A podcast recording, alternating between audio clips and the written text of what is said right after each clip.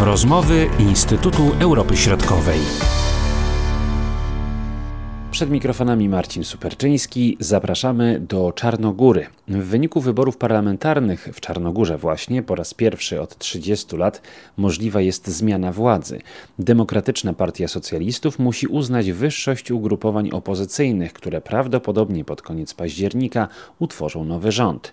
Różnice, które jednak dzielą te ugrupowania, mogą spowodować, że nie będzie to stabilna koalicja, podkreśla starszy analityk w zespole bałkańskim Instytutu Europy Środkowej dr Agata Domachowska. Wybory parlamentarne, które miały miejsce 30 sierpnia, e, pokazały, że co prawda największą liczbę głosów zdobyła dotychczasowo rządząca w Czarnogórze partia już od 30 lat Demokratyczna Partia Socjalistów. Natomiast tym razem e, nie uda się jej stworzyć e, większości w parlamencie, a co za tym idzie nowego rządu ponieważ większość, czyli 41 mandatów w parlamencie czarnogórskim, który liczy 81 miejsc, e, zdobyły trzy koalicje wyborcze e, opozycyjne. Pierwsza to koalicja dla przyszłości Czarnogóry. Ona zdobyła aż 27 mandatów. Kolejne to Pokój jest naszym narodem, które zdobyło 10 mandatów, natomiast ostatnią tą partią koalicyjną tą, tą koalicją wyborczą, która zdobyła cztery mandaty i będzie prawdopodobnie współtworzyć e, nowy rząd, jest e, koalicja czarno na białym. Mhm. Co łączy te ugrupowania, a co dzieli? Tak naprawdę większość kwestii dzieli te trzy koalicje wyborcze. To, co ich łączy, to jest jedna podstawowa rzecz, a mianowicie chęć odsunięcia Demokratycznej Partii Socjalistów od władzy. I to jest, to jest podstawa, która, która ich łączy i motywuje do tego, aby stworzyć wreszcie wspólny wspólny rząd. Dlatego też tuż po wyborach od razu te, dwie, te trzy koalicje wyborcze spotkały się, liderzy tych koalicji wyborczych spotkali się ze sobą. Uzgodniono na tym spotkaniu kilka takich priorytetów, jakie będą łączyć e, koalicje, te trzy koalicje ze sobą. Przede wszystkim to, tworzą one rząd ekspercki. Przyszły rząd będzie kontynuował e, wypełnianie międzynarodowych zobowiązań Czarnogóry, czyli to, że e, Czarnogóra nadal będzie dążyć do uzyskania akcesji w Unii Europejskiej, pozostanie w Sojuszu Północnoatlantyckim.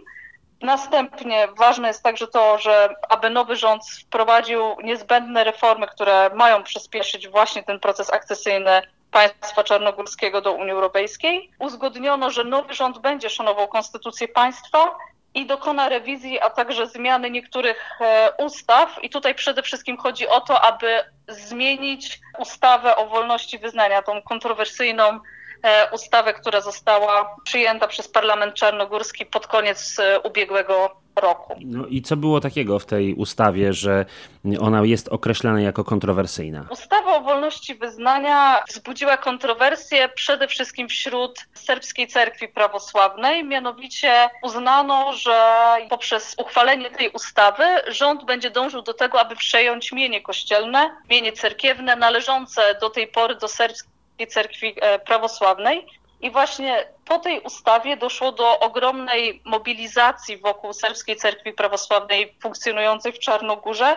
Rozpoczęto masowe protesty społeczne w Czarnogórze, e, aby zmusić rząd do tego, aby ustawa została anulowana. A jeśli chodzi o y, różnice między tymi ugrupowaniami, czy istnieje szansa na to, żeby jednak część tych y, posłów, którzy no, znajdują się w tej koalicji, która najprawdopodobniej utworzy nowy rząd, czy jednak może tutaj będą jednak chcieli przejść albo wejść w jakieś porozumienie jednak z tą partią socjalistyczną, czyli to jest raczej wykluczone? Pewnie na to by liczyła Demokratyczna Partia Socjalistów, jednak od wyborów już minął miesiąc czasu. Wydaje się, że jeżeli by miało dojść do już jakichś przepływów e, tutaj mandatów, to już przepływów osób między partiami, to już by doszło. Natomiast tak jak mówiłam wcześniej, te trzy partie wiąże jeden cel odsunięcie wreszcie DPS od władzy. To jest kluczowe. Dziwne by było dla elektoratu którejkolwiek z, tej, z tych partii, aby członkowie partii, już teraz posłowie, mieliby nagle zacząć współpracować z Demokratyczną Partią Socjalistów. To jest coś, co, co łączy te trzy partie. I to jest, to jest najważniejsze, więc można przypuszczać, że raczej to jest niemożliwe w najbliższym czasie. Kwestią otwartą pozostaje to, jaki rząd uda się stworzyć tym trzem partiom, jednak zupełnie różnym. I to jest kluczowe te, te, te najbliższe tygodnie, czy dojdzie do porozumienia e, w kwestii stworzenia nowego rządu. Trzeba przypomnieć, że prezydentem państwa czarnogórskiego jest niekwestionowany lider Demokratycznej Partii Socjalistów, czyli Milo Djukanowicz. Do 23 października, czyli zgodnie z konstytucyjnym terminem, e, powierzy mandat stworzenia rządu przedstawicielowi większości parlamentarnej. A tym przedstawicielem jest Drawko e, Krivokapić, wybrany przez te trzy partie opozycyjne jako reprezentant, ich reprezentanta i człowieka, który ma spróbować stworzyć nowy rząd. On zresztą był liderem tej jednej z koalicji wyborczej dla przyszłości Czarnogóry, stworzonej przez Front Demokratyczny. Jemu prezydent e, ma powierzyć e, mandat stworzenia przyszłego rządu. Tylko problem też polega na tym, że już dochodzi do pewnych głosów spornych w ramach tych trzech partii. Pojawiają się głosy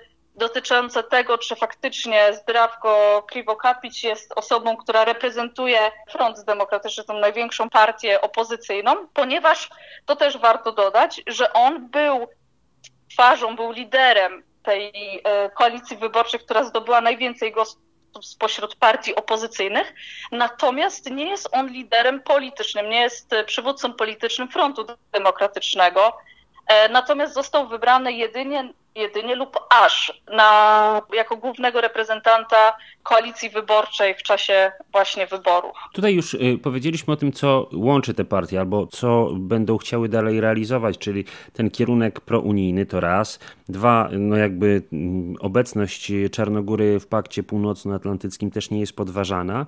No i ten stosunek do y, tej ustawy cerkiewnej połączył te, te trzy ugrupowania. Czy istnieje taka mimo wszystko możliwość prowadzenia polityki proserbskiej, tak w cudzysłowie, czy to raczej jest wykluczone? Na pewno spośród tych trzech partii partią zdecydowanie proserbską, także prorosyjską, a jednocześnie pronatowską, która sprzeciwiała się e, przystąpieniu Czarnogóry do Sojuszu Północnoatlantyckiego, jest właśnie ta najważniejsza partia, czyli Front Demokratyczny.